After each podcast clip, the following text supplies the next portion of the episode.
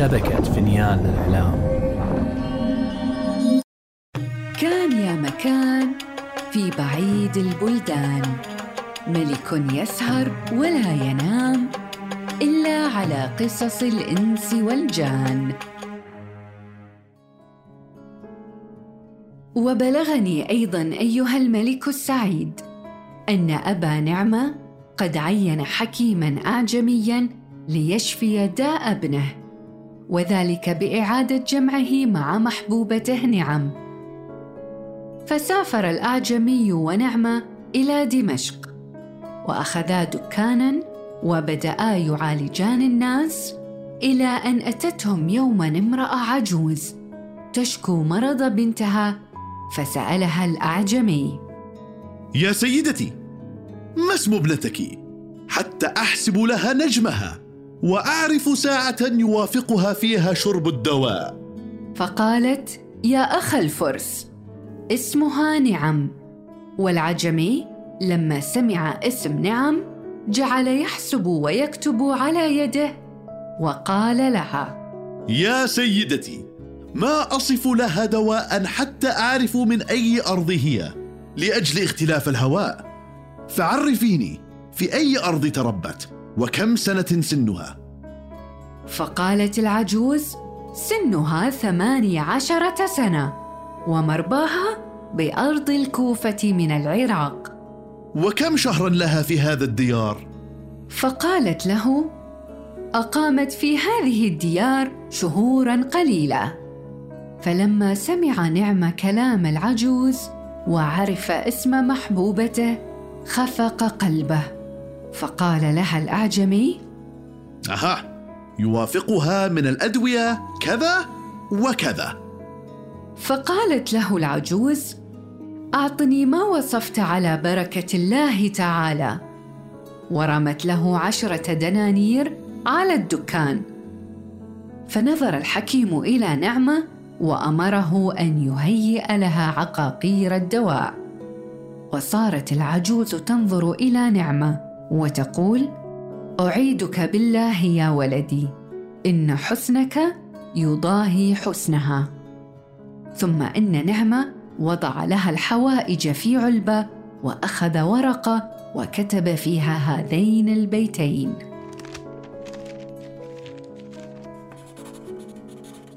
إذا أنعمت نعم علي بنظرة فلا أسعدت سعدي ولا أفلت جمله.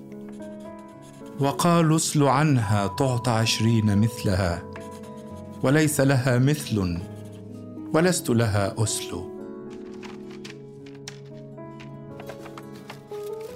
ثم خبأ الورق في داخل العلبة وختمها وكتب على غطاء العلبة بالخط الكوفي أنا نعمة بن الربيع.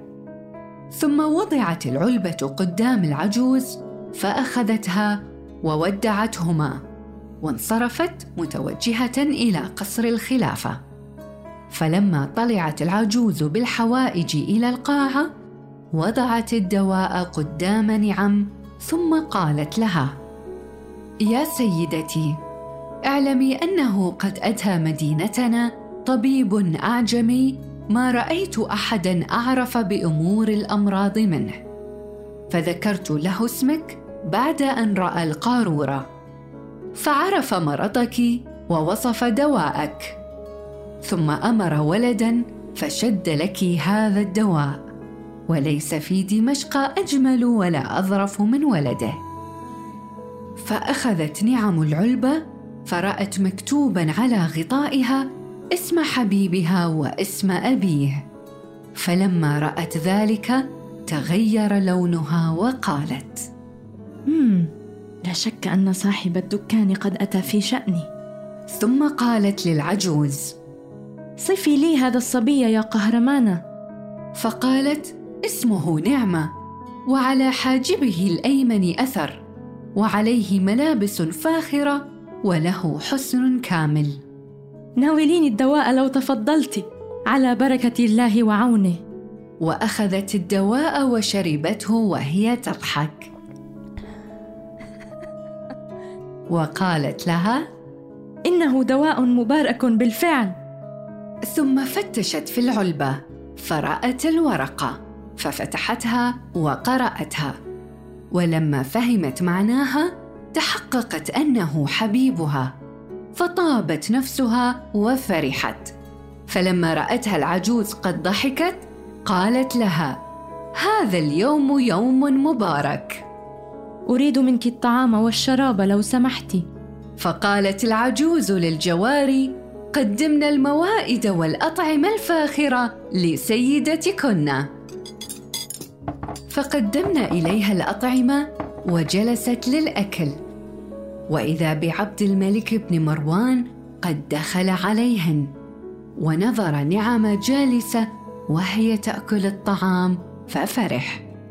ثم قالت القهرمانة يا أمير المؤمنين يهنيك عافية خادمتك نعم وذلك أنه وصل إلى هذه المدينة رجل طبيب ما رأيت أعرف منه بالأمراض ودوائها فأتيت لها منه بدواء فتعافت منه مرة واحدة. خذي ألف دينار واعطها للذي أبرأها. ثم خرج وهو فرحان بعافية نعم.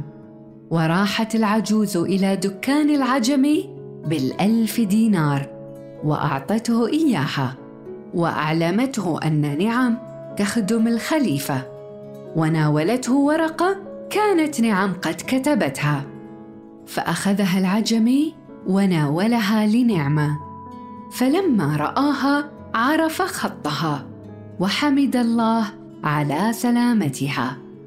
ثم فتح الورقة فوجد مكتوبا فيها من الخادمة المسلوبة من نعمتها المخدوعة في عقلها المفارقة لحبيب قلبها. فإنه قد ورد كتابكم علي فشرح الصدر وسر الخاطر وكان كقول الشاعر.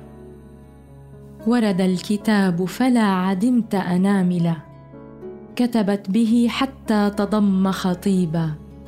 فكأن موسى قد أعيد لأمه أو ثوب يوسف قد أتى يعقوبا. فلما قرأ نعمة هذا الشعر هملت عيناه بالدموع. فقالت له القهرمانة ما الذي يبكيك يا ولدي؟ لا أبكى الله لك عينا. فقال العجمي.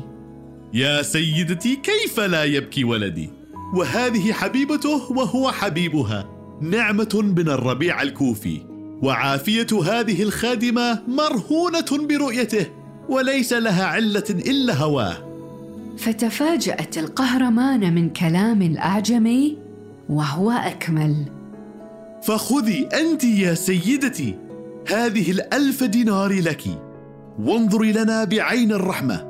إننا لا نعرف إصلاح هذا الأمر إلا منك. فقالت العجوز لنعمة هل أنت حبيبها؟ نعم يا سيدتي. قالت صدقت فإنها لا تفتر عن ذكرك. فأخبرها نعمة بما جرى من الأول إلى الآخر. فقالت العجوز يا غلام لا تعرف اجتماعك بها إلا مني.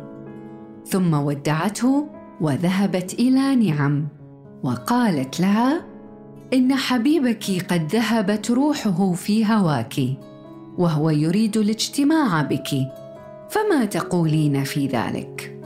وأنا كذلك قد ذهبت روحي وأريد الاجتماع به. فعند ذلك أخذت العجوز بقجة فيها حلي ومصاع وبدلة من ثياب النساء وتوجهت إلى نعمة وقالت له ادخل بنا مكانا وحدنا.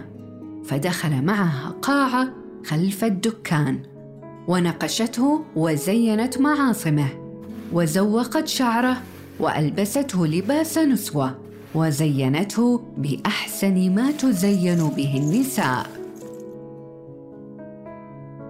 فصار كأنه من حور الجنان. فلما رأته القهرمانة في تلك الصفة قالت تبارك الله أحسن الخالقين. والله إنك لأحسن من نعم نفسها. ثم قالت له امكث حتى آتيك ليلة غد إن شاء الله تعالى فآخذك وادخل بك القصر. وإذا نظرت الحجاب والخدامين فقوي عزمك وطأطئ رأسك ولا تتكلم مع أحد وأنا أكفيك كلامهم وبالله التوفيق. فلما أصبح الصباح أتته القهرمانه في ثاني يوم وأخذته وطلعت به القصر ودخلت قدامه ودخل وراءها في إثرها فأراد الحاجب أن يمنعه من الدخول. فقالت له يا أنحس الحراس إنها الخادمة نعم محظية أمير المؤمنين فكيف تمنعها من الدخول؟ ثم قالت ادخلي يا خادمة. فدخل نعمة مع العجوز. فقالت له العجوز يا نعمة قوي نفسك وثبت قلبك وادخل القصر وخذ على شمالك وعد خمسة أبواب وادخل الباب السادس. فإنه باب المكان المعد لك. ولا تخف وإذا كلمك أحد فلا تتكلم معه.